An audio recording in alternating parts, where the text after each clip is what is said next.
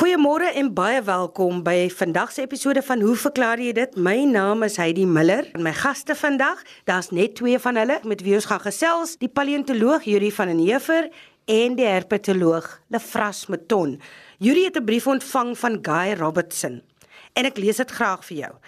Kan jy by jou kenners vasstel waar en waarom die besnydenisse nou eintlik begin het en hoe dit by die Khoisas en ander tradisie geword het?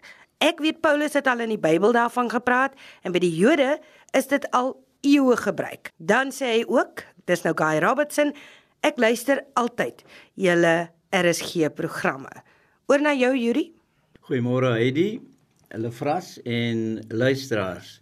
Guy het hier op 'n uh, baie interessante en 'n baie sensitiewe saak afgekom. Dit is waar dat uh, besnydenis van uh, seentjies en jong mans dwars oor die wêreld plaasvind. En Guy noem ook in sy brief wat hy alles gedoen het om dit uh, bekend te maak. So Guy uh, ek waardeer wat jy doen om die aandag hierop te vestig. En besnydenis die wêreld oor van plaas gewoonlik vir godsdienstige of tradisionele redes. In die Joodse kultuur word jong seentjies 8 dae na geboorte besny. En die persoon wat dit doen staan bekend as 'n mohel om te wys hoe belangrik dit is bestaan hierdie prosedure as die Brit of die Bris Mila bekend wat beteken dit is 'n godsdienstige verbond van besnydenis. Nou wanneer dit met adolessente persone gebeur soos in die Xhosa kultuur simboliseer dit die oorgang van 'n seun na 'n man. Nou ouer luisteraars sal weet dat hierdie gebruik vroeër ook onder die Afrikaners beoefen is waar die uh baba seuns besny is na geboorte waarskynlik 'n navolging van uh die Joodse kultuur wat uit die Bybel verkry is. Nou ek het al gehoor dat uh seentjies jare gelede dan navraag gedoen het oor hoekom lyk hulle nou anders en dan is daar dikwels die verklaring gegee maar uh, toe jy gebore is kon jy nie behoorlik piepie nie. So die dokter moes so 'n klein operasietjie doen. Wonder ek hoeveel jong afrikaner seentjies het rondgeloop met die gedagte dat daar iets met hulle verkeerd was en hoeveel skade dit ehm um, eintlik kon uh, aangerig het. Daar is min navorsing hieroor gedoen wat belangrik is om te onthou by hierdie besnydnisse van ons inheemse mense is dat die seuns as gevolg van tradisie vertrou die seuns die ouer mense wat dit doen en dit is vir hulle 'n godsdienstige ervaring. Alhoewel daar min navorsing is, blyk dit dat die gevoel is as jy nie besny is nie, bly jy 'n seun en jy het nie die regte en voorregte van 'n man nie en jy word ook nie as 'n man beskou deur die res van jou samelewing nie. Daarom is hierdie hele uh kulturele bedryf is verbind aan uh die voorvaders, die oorgang na volwassenheid en onafhanklikheid en uh geassosieer met persoonlike groei en ontwikkeling.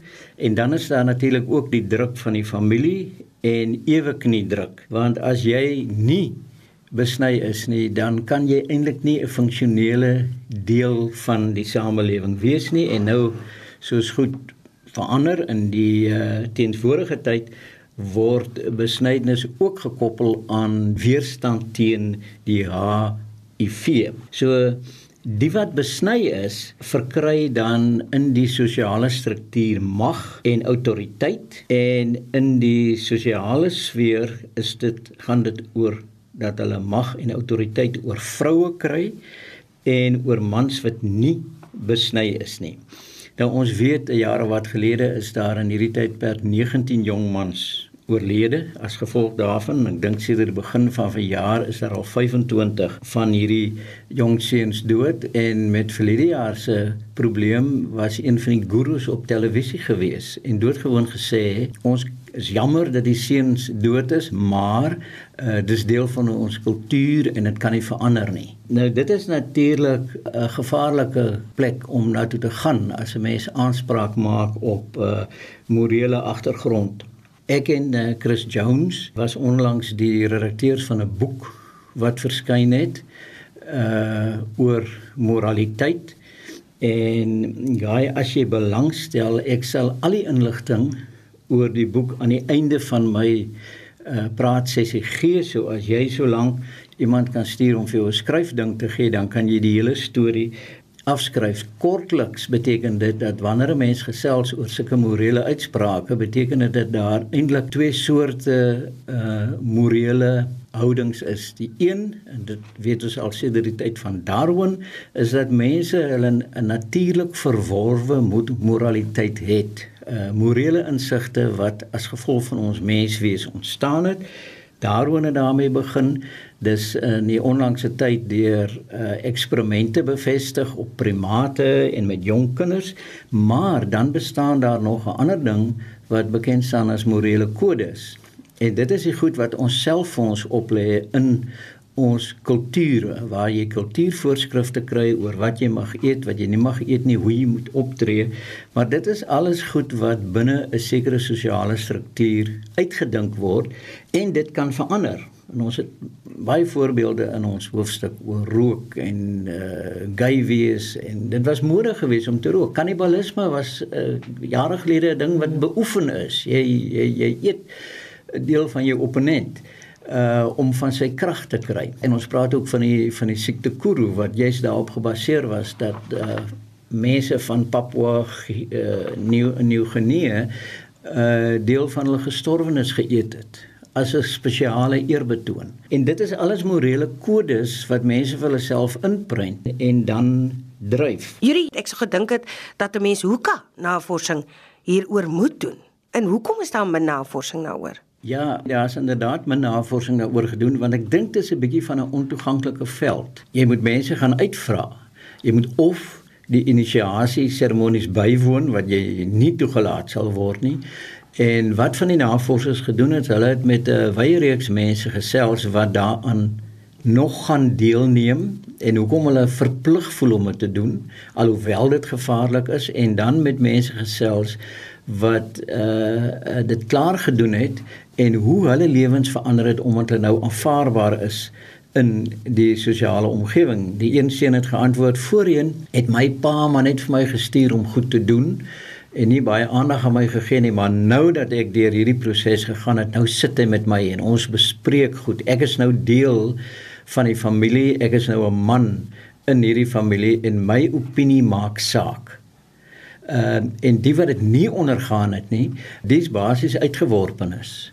Uh daar's gevalle waar een so 'n persoon blykbaar ehm um, van sy meisie ontneem is want hy is nie 'n man nie, hy's 'n seun en hy behoort nie nou 'n verhouding met die meisie te hê nie. Maar daar is wel tog uh, goed gedoen. Daar is so 'n kommissie bekend as die CRL kommissie, dis die Engelse weergawe daarvan. Hierdie kommissie se funksie is om as eh, 'n uh, soort van 'n wag te hou oor uh, godsdiens, kultuur en taalregte. En hulle het onlangs 'n uitgebreide verslag uh uitgebring juis oor uh inisiasie en die verskillende goed. Dan is uh Chris Jones en Jan Groblaar tans besig met 'n boek waar in een hoofstuk hier aangewy word. En die boek se naam is Childhood Vulnerabilities in South Africa Some Ethical Perspectives. En dan gae die die die boek wat ek van gepraat het is die een waarvan ek en uh, Chris Jones se redakteurs was maar ons het ook die eerste hoofstuk daaraan geskrywe en dit gaan oor die evolusie van moraliteit. Nou ek sal nou die verwysing gee. Die boek se naam is Moral Issues in the Natural Sciences and Technologies. En soos ek sê, Dave Peppler uh ook ehm um, hoofstuk daarin geskrywe oor moraliteit en ons ekologiese benadering. Die boek is uh gepubliseer deur die firma IOSIS. Ek gee graag vir jou die verwysing daarna want IOSIS het die boek op die internet geplaas. Dit is 'n e-boek. En jy kan doodgewoon na die webruimte toe gaan en jy kan die hoofstuk of die hele boek vir jou gratis aflaai. Jy hoef nie die boek te koop nie. En die webruimte wat jy uh, dit by kan gaan doen, lees as volg: is so 'n bietjie van 'n mond vol, maar uh, ek het nou maar my eie manier van hoe om oor die radio te spel. Dis die gewone ding van HTTPS Holland Taiwan Taiwan Portugal Sutherland dubbelpunt dubbelix vorentoe skynstreep en dan boeks Bobbejaan Otteriasi Otteriasi Kakama Sutherland punt Iousis is Amsterdam, Otteriasi, Sitterland, Indië, Sitterland. Ek hoop nie ek gaan te vinnig nie. Punt CO Cambridge, Otteriasi. Punt Zimbabwe, Amsterdam vorentoe skynstreep. En dan die Engelse indeks Indië, Nederland, Duitsland, Ethiopië, Kosa en Sitterland. Punt dan PHP Portugal Holland Portugal vorentoe skynstreep. OB Otteriasi Bobbejaan vorentoe skynstreep. Catalog gespel Cambridge Amsterdam Taiwan Amsterdam Londen Otteriasi George. Vorentoe skynstreep boek. Bobbejaan Otteriasi Otteriasi Kakamas vorentoe skynstreep 114 uh as uh jy belangstel daaraan kan jy dit vir jou aflaai en miskien bietjie dieper in die saak ingaan. Juri ek onthou ek het onlangs gelees ook van uh besnydenis by by meisies dat dit ook dat daar ook uh probleme uh, mee is. Ja, hulle vra dit is 'n uh, uh, baie gruisame ding. Uh, en dit word nog in uh, sekere Arabiese of Islamitiese lande beoefen, maar ek dink dit is 'n misdaad teen die mensdom.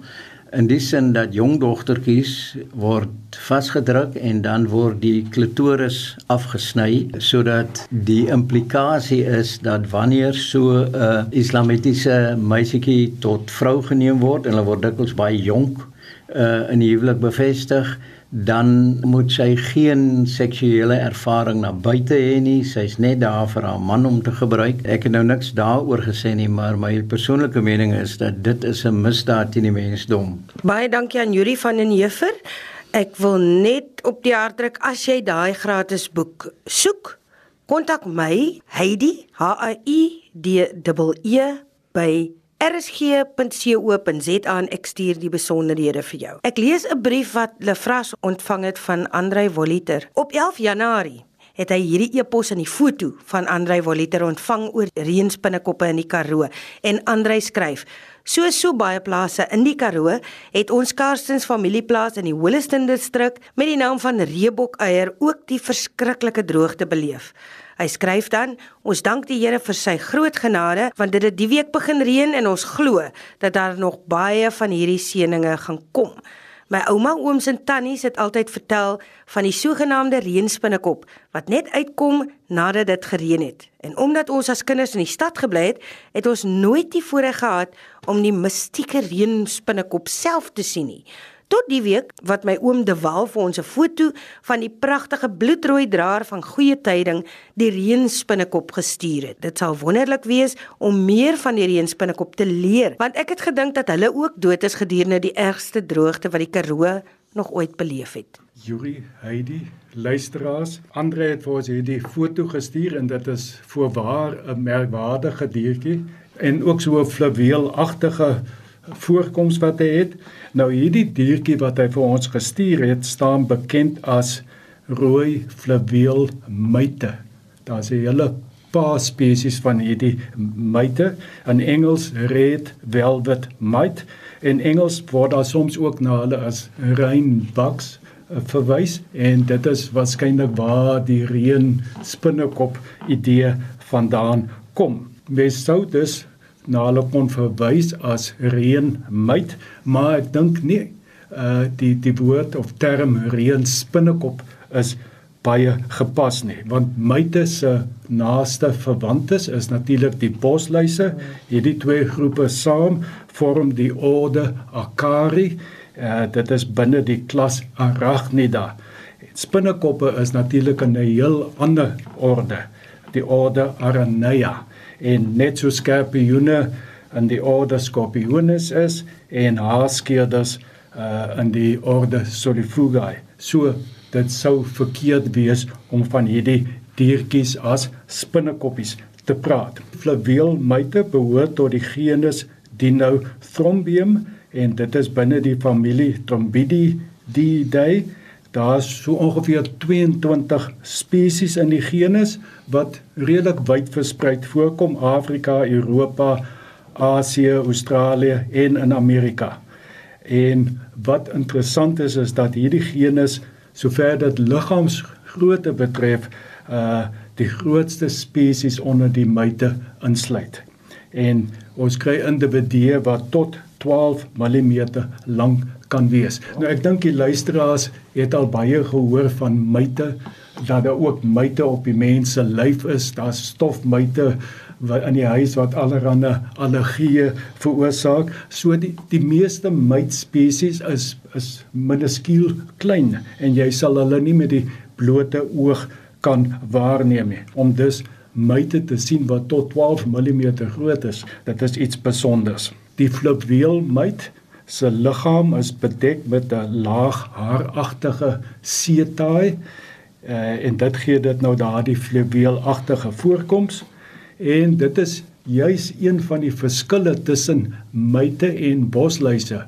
Myte het gewoonlik hierdie setaai of haartjies en bosluise het die as die haartjies of setaai teenwoordig is, is dit baie kort of dit is heeltemal uh afwesig soos ander lede van die klas Arachnida het die volwasse myte ag pote.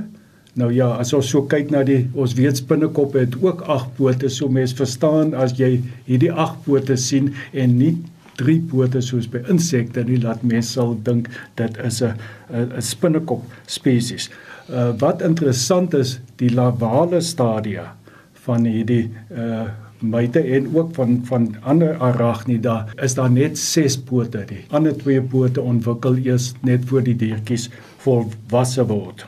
Die rooi flaveelmyt spesies kom in ariede gebiede, droë gebiede voor tussen dooie plantmateriaal, die detrituslaag vir al die onder bossies weet ons as daar altyd so 'n laagie van van dooie plantmateriaal wat lê en Hulle sal die grootste deel van hulle lewe in ondergrondse tonneltjies wag vir 'n spesifieke stel ekologiese omstandighede wat deur somerreëns aangeskakel word. So hulle doen grootste deel van hulle lewe doen hulle niks as daardie somerreëns kom dan raak hulle aktief en dan sal hulle na die oppervlakte kom. Ons praat nou van die volwasse individue om te jag. Hulle is almal predatore en hulle eet ander goggaatjies, uh, arthropoda en ook die eiers van sulke goggaatjies.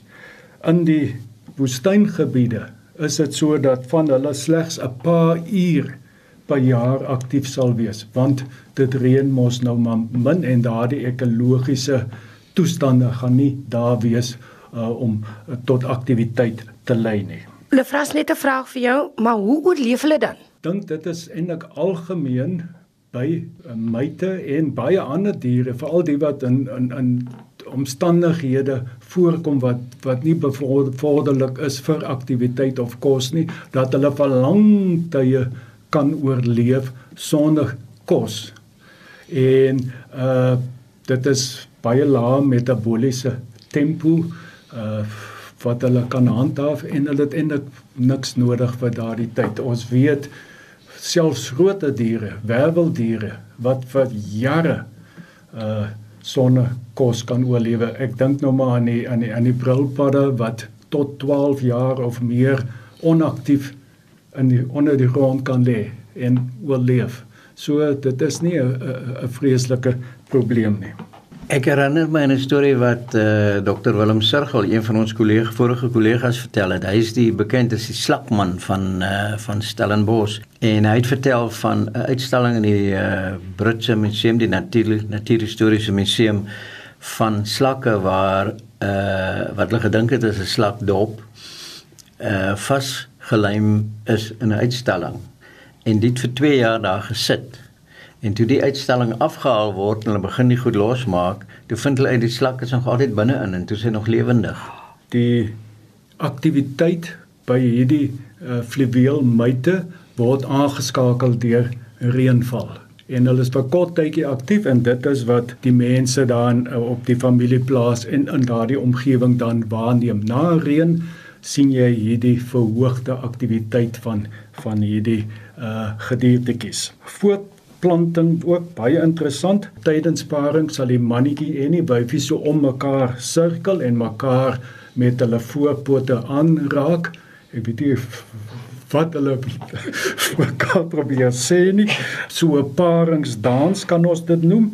En dan sal die mannetjie wegbeweeg op 'n takkie, sy sperm gaan deponeer en dan gaan hy terug na die wyfie toe. Hy sal 'n reukspoor neerlê op die grond en die wyfie volg dan die reukspoor en as hy by die sperm kom, dan kom ons sê maar gaan sit sy in die sperm. Uh, ek weet nie of myte eintlik kan sit nie, maar uh hulle gaan staan dan bo die sperm. Sy lê eiertjies kan tot 100 000 eiertjies lê wat dan nou daar bevrug word.